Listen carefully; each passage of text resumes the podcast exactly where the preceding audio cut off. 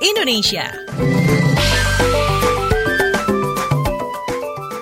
Selamat pagi untuk Anda yang baru saja bergabung di KBR Pagi edisi 30 Desember 2020. Saya Reski Mesanto masih terus menemani Anda sampai akhir KBR Pagi nanti. Dan sekarang waktunya saya untuk mengajak Anda keliling Indonesia di WhatsApp Indonesia. Kita mulai WhatsApp Indonesia. Dari Jakarta, tim uji klinis vaksin COVID-19 dari Universitas Pajajaran atau UNPAD akan menyerahkan laporan hasil uji klinis vaksin Sinovac ke Badan Pengawas Obat dan Makanan atau BPOM. Informasi selengkapnya kita bergabung bersama reporter KBR Wahyu Setiawan. Wahyu. Selamat pagi, saudara. Tim uji klinis vaksin COVID-19 dari Universitas Pajajaran UNPAD akan menyerahkan laporan hasil uji klinis vaksin Sinovac ke Badan Pengawas Obat dan Makanan atau BPOM. Laporan itu rencananya akan diberikan pada awal Januari mendatang. Manajer lapangan uji vaksin COVID-19 dari UNPAD, Edi Fataliana mengatakan laporan itu akan berisi hasil uji klinis pada subjek atau sukarelawan yang disuntik vaksin.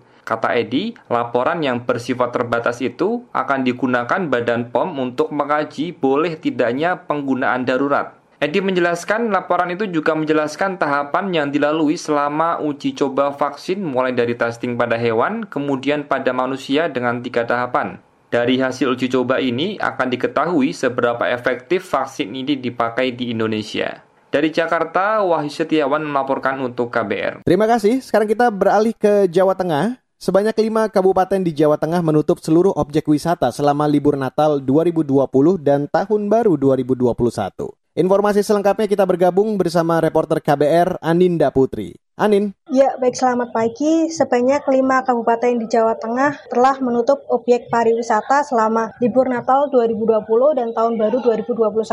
Kasih Destinasi Pariwisata Jawa Tengah Riyadi mengungkapkan, kelima kabupaten tersebut yakni Kabupaten Purworejo, Pati, Rembang, Demak, dan Jepara. Menurut Riyadi, meski lima kabupaten tersebut menyatakan telah menutup daya tarik secara total, namun beberapa daerah di Jawa Tengah masih membuka objek wisata dengan disiplin protokol kesehatan yang ketat. Ia mengimbau kepada pengelola pariwisata untuk menerapkan protokol kesehatan dan pengawasan ketat selama membuka objek wisata. Dari Semarang, saya India Putri melaporkan untuk KBR. Terakhir saya ajak Anda ke Banyuwangi, di mana polisi di Banyuwangi akan membubarkan kerumunan pada malam tahun baru. Informasi selengkapnya kita segera bergabung bersama reporter KBR, Hermawan. Hermawan. Ya, selamat pagi. Kepolisian Resor Kota Banyuwangi, Jawa Timur akan membubarkan semua kerumunan pada malam pergantian tahun. Kapolresta Banyuwangi Arman Asmara Saripudin mengatakan Polres akan menerjunkan ratusan personil kepolisian untuk melakukan pengamanan dan patroli skala besar. Kegiatan patroli tersebut dititik beratkan di sejumlah tempat yang diperkirakan berpotensi terjadinya kerumunan masyarakat. Selain melakukan patroli, Polresta juga memperlakukan checkpoint di seluruh perbatasan Kabupaten Banyuwangi. Setiap kendaraan maupun masyarakat yang masuk ke Banyuwangi akan diperiksa kesehatannya dan kelengkapan surat-surat kendaraannya. Pemeriksaan ini dilakukan selain untuk mengantisipasi masuknya orang tanpa gejala COVID-19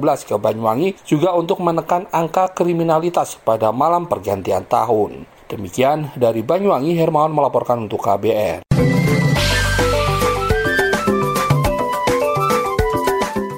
WhatsApp Indonesia.